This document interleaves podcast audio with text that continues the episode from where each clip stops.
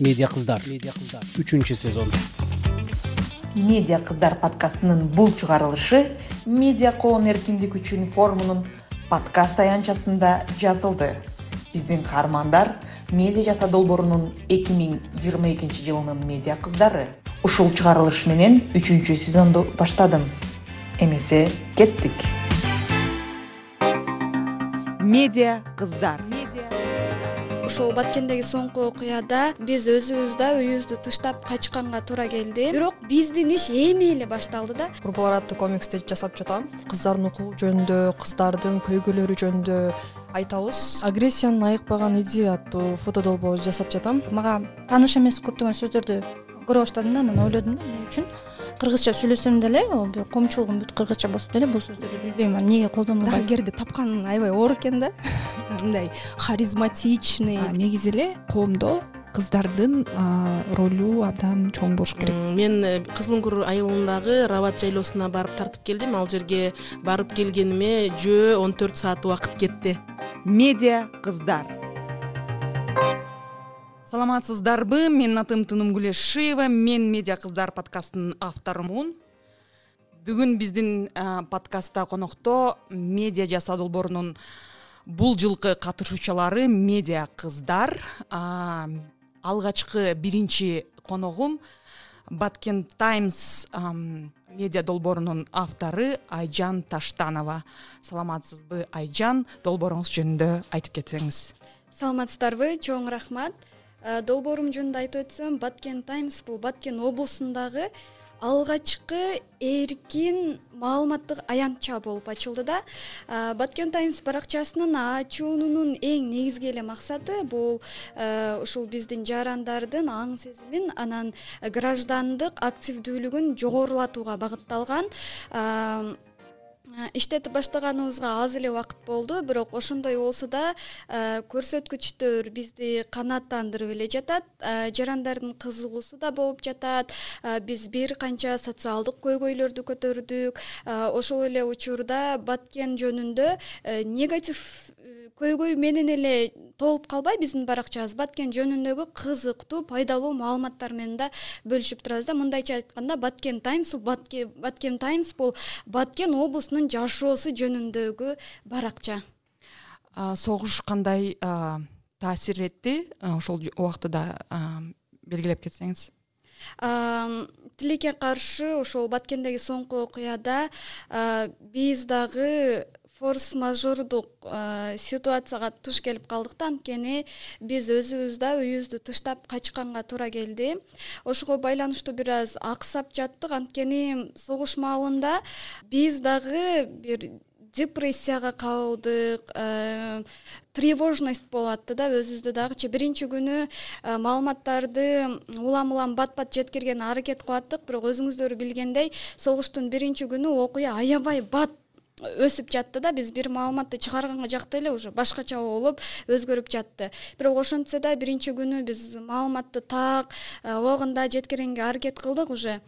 Экинчи күнү э, аябай эң кыйын күн ушул экинчи үчүнчү күн болду да.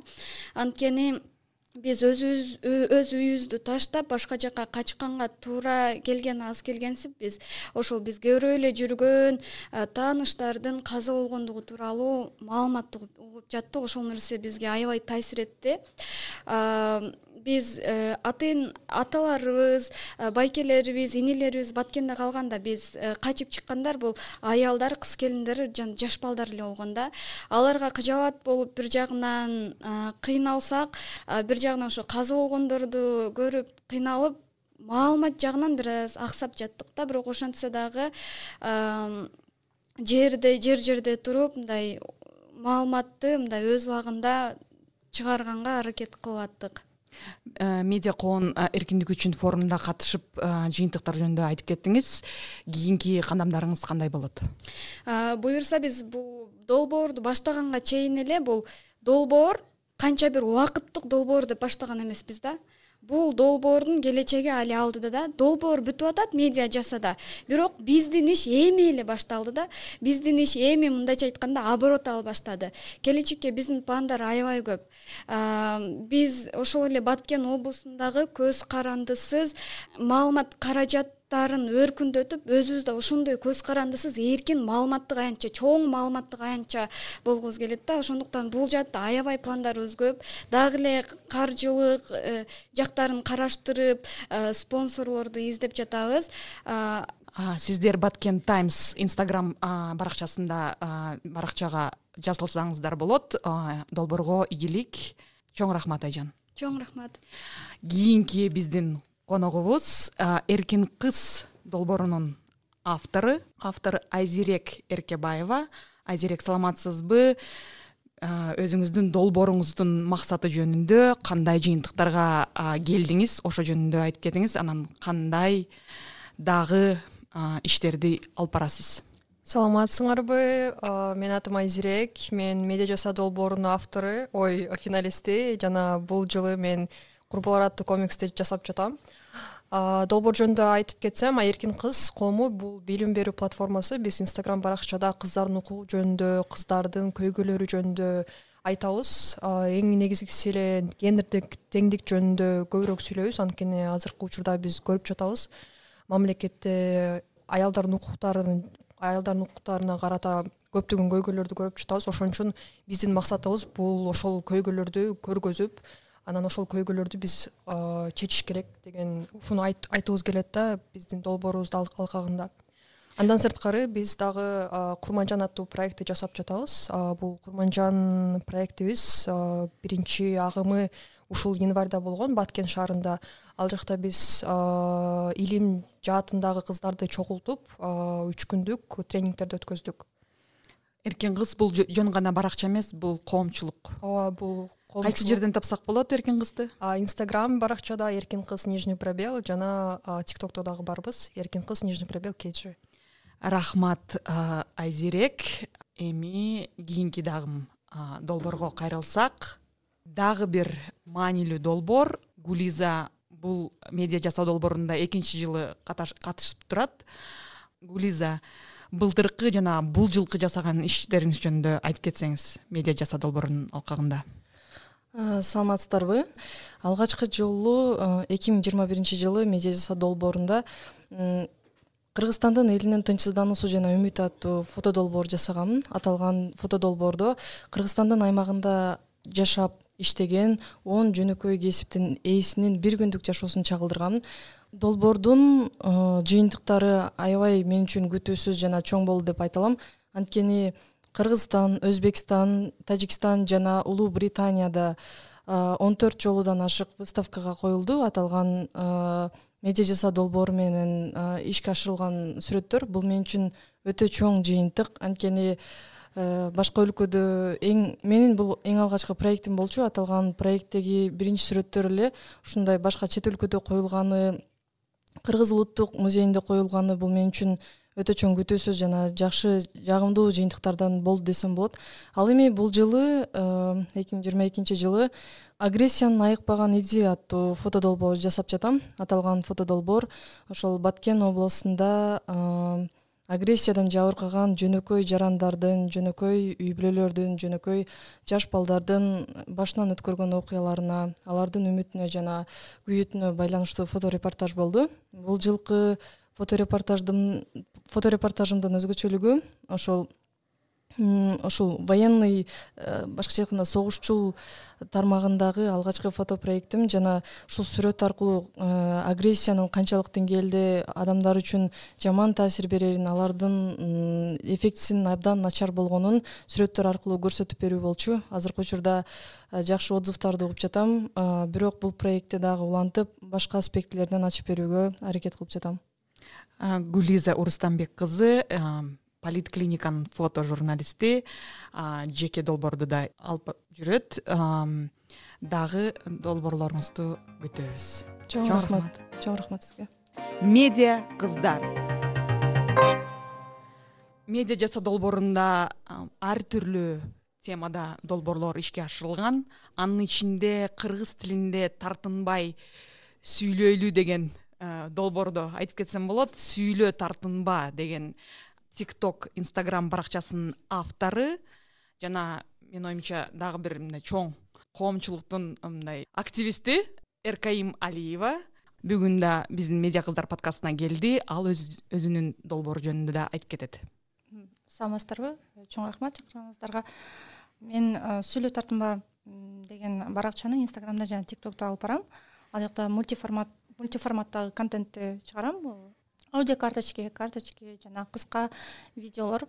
Негизи бул долбоорду медиа долбоорду ашырууга мага бир нече окуялар түрткү болду да. Анткени мисалы биринчи нерсе бул баягы орусча сөздөрдү кыргызчага которуп жатып сөздүктү карап жатып көптөгөн сөздөрдү мага э, мага тааныш эмес көптөгөн сөздөрдү көрө баштадым да анан ойлодум да эмне үчүн кыргызча сүйлөсөм деле коомчулугум бүт кыргызча болсо деле бул сөздөрдү билбейм эмнеге колдонулбайт деп. Экинчи учуру бул менин тааныштарым арасында көп адамдар бар да мисалы кыргызча сүйлөгөндө тартынган адамдар бар анткени алардын акценти бар. Кыргызча оюн билдиргенде аябай тартынышат анткени кыргызча жакшы сүйлөгөн адамдар аларга сен балконскийсиң чала кыргызсың же болбосо эй кыргызча сүйлөбөйсүңбү деп мындай э, жаман сөздөрдү айтышат да анан аларды мындай сөздөр тескерисинче демотивирует да анан кийин. Тескерисинче башка адамдар бар алар кыргызча сүйлөгөндөн уялышат анткени кыргызча сүйлөө негизи мындай адамды кандайдыр бир негативдүү образ берип калган да ушунчалык кыргыз тилинин имиджи түшүп кеткен да. Мисалы айылдык же болбосо баягы тамашолоо э, актерлорунун баягы өзүнүн бир аудиториясы бар го базар жок деген сыяктуу сөздөр менен ушундай имиджде калып калган да кыргыз тиличи анан мен бул кыргыз тили маданияттуу боло алат заманбап боло алат кызыктуу боло алат деген нерсени билдиргим келди. Анан үчүнчү нерсе бул баягы украинада согуш башталып анан көптөгөн россиялыктар бул кыргызстанга келип агымы көп болуп анан баягы деколонизация темасы дагы көтөрүлүп ошол убакта мен чынында эле ойлодум да кыргыз тили таптакыр жоголуп кетпеш үчүн мындай кадамдарды кичине кадамдардан баштап аракеттерди кыла башташ керек депчи. Анан ошентип сүйлө тартынба деген долбоорду ишке ашыруу ойго келди. Бул долбоорду ашырып жатканда мага аябай таң калыштуу нерсе кыска убакыттын ичинде эле адамдар чогулуп баракчаларга жазылып анан аябай мындай жылуу комментарийлер жылуу реакция болду да азаматсыңар ушундай долбоор бизге жетпей аткан депчи. Анан азыркы күнгө чейин күндөн күнгө жазылуучулардын саны көбөйүп жатат. Мен аябай кубанычтамын. Алдыда көптөгөн пландар бар. Мунун баардыгы ошо мен ыраазычылык билдиргим келет. Бул жазылуучулардын сөзүнөн мага мотивация болуп ошон үчүн дагы аракеттерди кылып жатам да. Анан дагы бир четинен ушул медиа жаса долбооруна абдан ыраазычылык билдирем. Анткени эгер медиа жаса болбосо балким бул менин идеям ошол идея боюнча калып кете бермек. Чоң рахмат эркайым. Кыргызча сүйлөйлү баракчага жазылалы долбоорго ийгилик. Чоң рахмат. Дагы бир жакшы пайдалуу долбоор биринчи жардам деп аталат. Биринчи жардам деген долбоор эки медиа кыз менен ишке ашырылып келе жатат. Бул зарина богачиева жана асель загибаева. жана асель загибаева. Биз менен зарина богачиева бул жерде. Азыр өзүнүн долбоору жөнүндө максаты анан кантип тапсак болот айтып берет. Чоң рахмат. Дөңгөл чакырганга менин атым зарина болот. Биз биринчи жардам деген абдан маанилүү долбоорду ишке ашырып жатабыз. Бул долбоор балдарга биринчи жардам көрсөтүү жөнүндө бала тумчугуп эсин жоготуп же жаракат алганда ага кантип жардам берүүнү билбей калган учурлар көп эле ата энелер башынан өткөргөндүр ошондуктан э, өзүн кармап жардам берүүгө абдан маанилүү. Ошондуктан э, кантип мындай учурларда чочубай биринчи жардамды көрсөтүү боюнча аракеттерди так аткаруу керектигин жөнүндө биз айтып беребиз. Бирок э, айтып кетиш керекпиз. Э, биз информациянын маалыматтын баарын алгандан биз дарыгерлер менен такташып ошолор ошол маалыматты баракчабызга чыгарабыз. Баракчабызды ачып баштаганда э, биринчи проблема бул дарыгерди тапкан аябай оор экен да. Мындай харизматичный анан так э, кызыктуу. кызыктуу айтып берген э, дарыгер аябай мындай аябай аз экен да рахмат максат камбаров деген биздин дарыгерибиз ал өзүнчө диктор болуп мындай актерго окшош маалыматты берди. Бирок ал чын эле доктур бир комментарий болгон бул актербу депчи? Жок ал доктур ошондон дагы ошо биринчи видеону инстаграмга киргизгенде бизге бир комментарий келген болчу. Эмне үчүн э, видео кыргызча эмес депчи?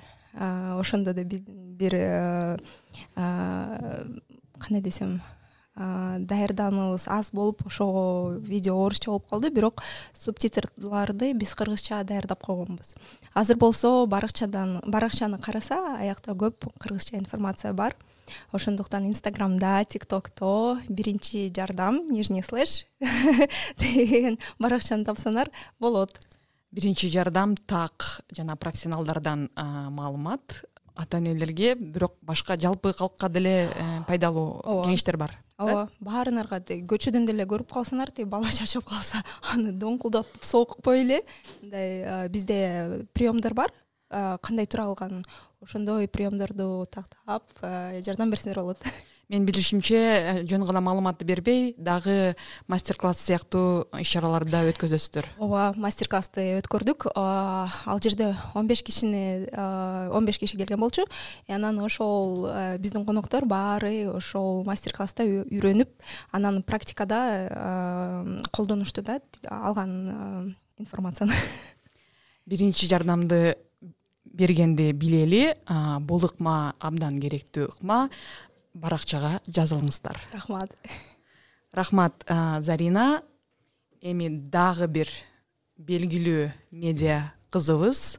Иликтөөчү журналист мерим айныкеева бул да мерим бул жылкы медиа жаса долбоорунун катышуучусу. Мерим саламатсызбы? Иликтөөчү журналисттер менен медиа коом форумунда сессияны модерация кылып өзүңүз да катыштыңыз долбооруңуз жөнүндө айтып кетсеңиз эмне иш менен алектенип жатасыз? Саламатсызбы? Рахмат. Медиа жасаада мен иликтөө теманы сунуштагам. Ал иликтөө болгондуктан айрым бир себептерден улам аны ачыктай албайм азырынча. Ошол иликтөөнү жүргүзүп жатамын бул дагы бир коомдогу эң чоң көйгөйлүү маселелердин бири. Буга чейин карап көрсөм ушул жаатта бири дагы мындай чоң ушу журналисттик материал же болбосо иликтөө чыга элек экен да. Анан медиа жаса ушуну колдоп бергени үчүн дагы ыраазычылык билдиремин азыр иш жүрүп жатат.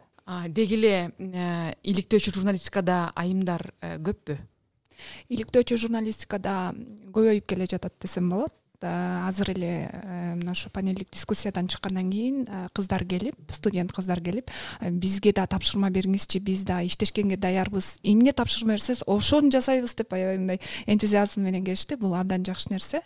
Негизи эле коомдо кыздардын ролу абдан чоң болуш керек. Бул абдан таасир этет ушул журналистика тармагына кызыккан кыздарга өзгөчө иликтөөчү журналистикага кызыккан айымдарга кандай кеңеш берет элеңиз кантип э, долбоорлорду утса болот менин кеңешим биринчи эле э, жалкоолонбош керек издениш керек. Көп көп эмгекти мээнетти талап кылат. Өзгөчө иликтөөчү жанр э, аябай бир материалды чыгарыш үчүн эле төрт айдан ашуун кээде убакыт кетип калат да. Ошого нерсеге негизи сенде орусча айтканда терпение керек. Э, психологдук жактан моралдык жактан сен ар кандай басым дуушар болушуң мүмкүн ошол нерсеге даяр болушуң керек. Анан эгерде сен ар жакта энтузиазм күчтүү болсо сен бул иликтөөчү жанр меники экен деп турган болсоң анда сен эч бир э, баягы кыйынчылыктардан өтүп кетет болушуң керек сынбай деп ойлойм да. Себеби менде ушул нерселер болгон. Көп учурда мисалы иликтөөчү журналистика сага эч кандай байлык алып келбейт сен байыйм деп ойлобойсуң да. Эгерде негизи эле журналистика эркин журналистика көз каранды журналистика бул сага эч кандай ашыкча акча алып келбейт да. Ошол нерсеге сен биринчи даяр болушуң керек. Анан сенин жакындарың колдош керек. Мисалы менин ата энем мага мен деле элдин апаларындай болуп алтын тагынам же болбосо шуба кием десе балким мен башка жака кетмекмин да. Анан менин жакындарым тескерисинче мени колдойт. Ошол себептен да мен ушул жакта жүрөт болушум керек. Ал эми долбоордун баягы утканын себеби сен ага чейин материалдарды ошол сабырдуулук менен ошол чыдамкайлык менен жакшы жасасаң бул сага келечекте мындай жакшы оценка болуп берет да убагында жакшы иштеп койсоң мисалы биз былтыр ушул маалда сому тууралуу иликтөөбүздү үч төрт ай иликтегенбиз. Бул менин эң биринчи чыккан иликтөөм да. Ошол иликтөө мына бүгүнкү күнгө чейин бааланып эл аралык аренада чоң чоң сыйлыктарды алып жатат да. Бул ошол кездеги эмгегиңдин акыбети кайтып атат дегенди түшүндүрөт. Мерим сиздин ишиңизге ийгилик. Мерим айныкеева белгилүү иликтөөчү журналист эл аралык сыйлыктарынын ээси рахмат. Дагы биздин медиа кызыбыз медиа айым алыскы арсланбоп жергесинен ооган тала айылынан келген гүлназ камбарали кызы. Гүлназ саламатсызбы? Өзүңүздүн медиа жаса долбоорунда жасаган ишиңиз жөнүндө айтып кетсеңиз эмне долбоорду ишке ашырдыңыз саламатсызбы тина мен э, бул медиа жаса долбоорунда тоолор жана айымдар деген долбоорду ишке ашырдым. Бул долбоордо беш сүрөт баян көрсөтө алдым. Биринчи сүрөт баяндарым меники ошол жайлоодогу айымдардын түйшүктөрү алардын аткарган күнүмдүк иштери ошол эле мезгилде бала тарбиялоосу алардын мамилеси жолдошу менен ошолордун баарын сүрөт баян аркылуу көрсөткүм келген мен э, кызыл үңкүр айылындагы рабат жайлоосуна барып тартып келдим. Ал жерге барып келгениме жөө он төрт саат убакыт кетти. Негизинен барганым аябай жакшы болгон экен. Анткени негизги жайлоодогу колоритти мен ошол жерден көрө алдым да биринчи эле биз ошол барганда жайлоодогу балдар бакчасы мени аябай таң калтырды анткени кыздар өздөрү ыктыярчы болуп малчылардын балдарын өздөрү эки саатка чогултуп аларга кыргыз элинин жомокторун макал лакаптарын оюндарын үйрөтүшөт экен. Ошол менен алар эки саат ата энесинин иш жасап алышын иш аткарып алышына көмөктөшүп аларды карап турушат экен кийинки ошол жайлоодо бизнес жүргүзгөн айым менен жолугушканда аябай таң калдым. Анткени ал айым ошол сүзмөлөрдү алып курут жасап ошол менен ал бизнесин жүргүзүп кошумча каражат табат экен. Ошол эле мезгилде гендердик теңчилдик менен жашаган жубайларды көрүп дагы аябай таң калдым. Анткени жайлоо дегенде эле биз баягы мал сааган аял анан күйөөсүн деп элестетебиз но баргандан кийин ал үй бүлөнүн бири бирине болгон мамилеси алардын гендердик теңчилдикти карманганы күйөөсү аялдын иши дебей бар жок нерсени аткарганы аябай таң калтырып баягы мени таасирлентти да. Негизинен ушул долбоорлорду аткарганда медиа жасанын мага тийгизген таасири аябай чоң. Анткени мен деген жөн эле мугалиммин. Сүрөт менин хоббим болчу ошол сүрөттү кантип туура тартуу? Аны кантип баяндап берүүнү мага медиа жасаа үйрөттү? Менторум гүлжан көп мага колдоо көрсөттү үйрөтүп эми ушуну дайыма улантып э, токтотпой алып кетиңиз деп мага айтты да. Э, мен эми э, кыргыз медиада дайыма менин сүрөт баяндарымды көрө аласыздар деп айтып кетмекчимин. Өзүмө пландадым ар айда бирден сүрөт баян чыгарып турам сиздин долбооруңузду кайсы жерден көрсөк болот? Аха менин долбоорум жамааттык медианын э, кыргыз медианын сайттарынан э, социалдык баракчаларынан кыргыз медиа чекит кейжи ооба кыргыз медиа чекит кейжиде э, ошол жерде болот. Инстаграм фейсбук ютуб каналдарыбыздын баарына чыгат сиз мугалим болуп да иштейсиз. Башка мугалимдерге кандай кеңеш берет элесиз ушундай медиа долбоорлорго катышкысы келсе? Албетте мугалимдик иш аябай кыйын иш ага карабай дагы өзүңдүн үстүңдө иштеп өзүңдүн үстүңдө дагы көп нерселерди үйрөнөм десең демек эмгекти талап кылат. Талыкпай эмгектенип күнү түнү мага дем алыш эле деп дем алышта жатып албай ошол дем алыш күндөрү иштесең ал албетте өз натыйжаларын берет. Рахмат гүлназ сиздин ишиңизге ийгилик көп көп дагы долбоорлорду ишке ашырыңыз. Чоң рахмат. Кыргызстандын медиа тармагына көз чаптырсак көптөгөн медиаларды аялдарсыз элестете албайбыз. Алар коомдук пикирди калыптандырып жоопкерчиликтүү журналистиканы өнүктүрүп бизге маанилүү маалыматтарды берип турушат. Медиа кыздар подкасты сиздер менен тынымгүл эшиева болду рахмат. Медиа кыздар